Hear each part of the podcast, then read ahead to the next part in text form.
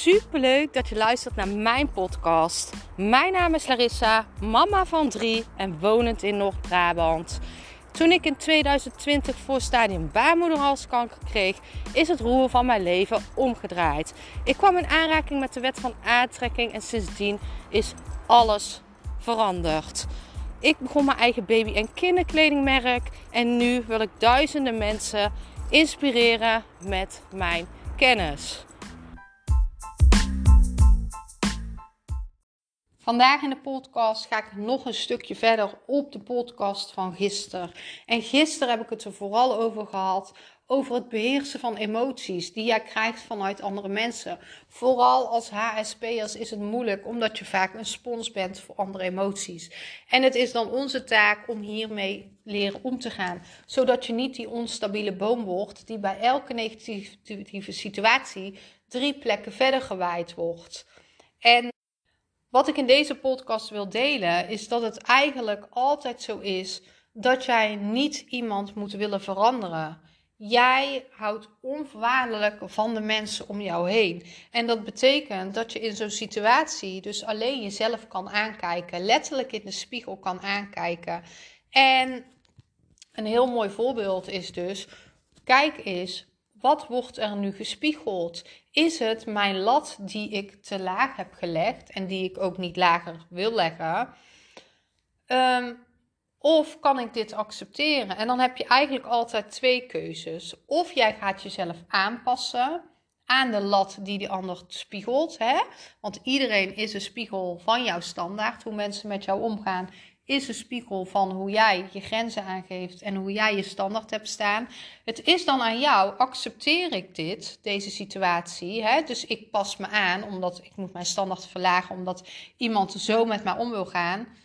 Of stop ik deze situatie? En wat we heel vaak zien is dat we voor keuze 1 gaan. Hè? Dat we onszelf gaan aanpassen aan mensen. En ik zou zeggen, hou jij onvoorwaardelijk van iemand, dan zou je iemand niet willen veranderen, moeten willen veranderen.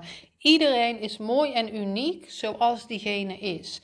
En dan zou ik zeggen, kijk, kan jij jezelf aanpassen en in hoeverre moet jij jezelf hoe, in hoeverre moet jij jezelf aanpassen zodat jij niet verandert als mens? Want we hebben allemaal onze mooie eigenschappen. En als daardoor jouw mooie eigenschap verlaagd wordt, dat je letterlijk je standaard verlaagt door wat je accepteert, dan is het heel mooi om te kijken van ga ik dit accepteren of stopt het hier? Hè?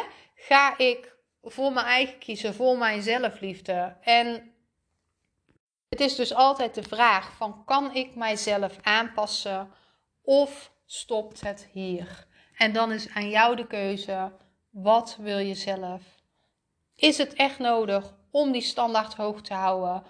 Om voor die zelfliefde te gaan? Om onvoorwaardelijk die mensen lief te hebben, maar dat het gewoon stopt omdat het niet in jouw plaatje past. Waardoor je automatisch je lat weer hoger legt. Waardoor je automatisch weer teruggespiegeld krijgt dat mensen dat ook gaan doen. Of ga jij toch mee in die lage situatie door je standaard aan te passen voor iemand? En dan is het gewoon altijd afweging die je kan maken. Ga ik mijn standaard verlagen? Verander ik hier te veel als persoon voor? Want we zijn allemaal mooie personen in hoe we zijn. En dat is de keuze aan jou. Ik ben benieuwd naar jou.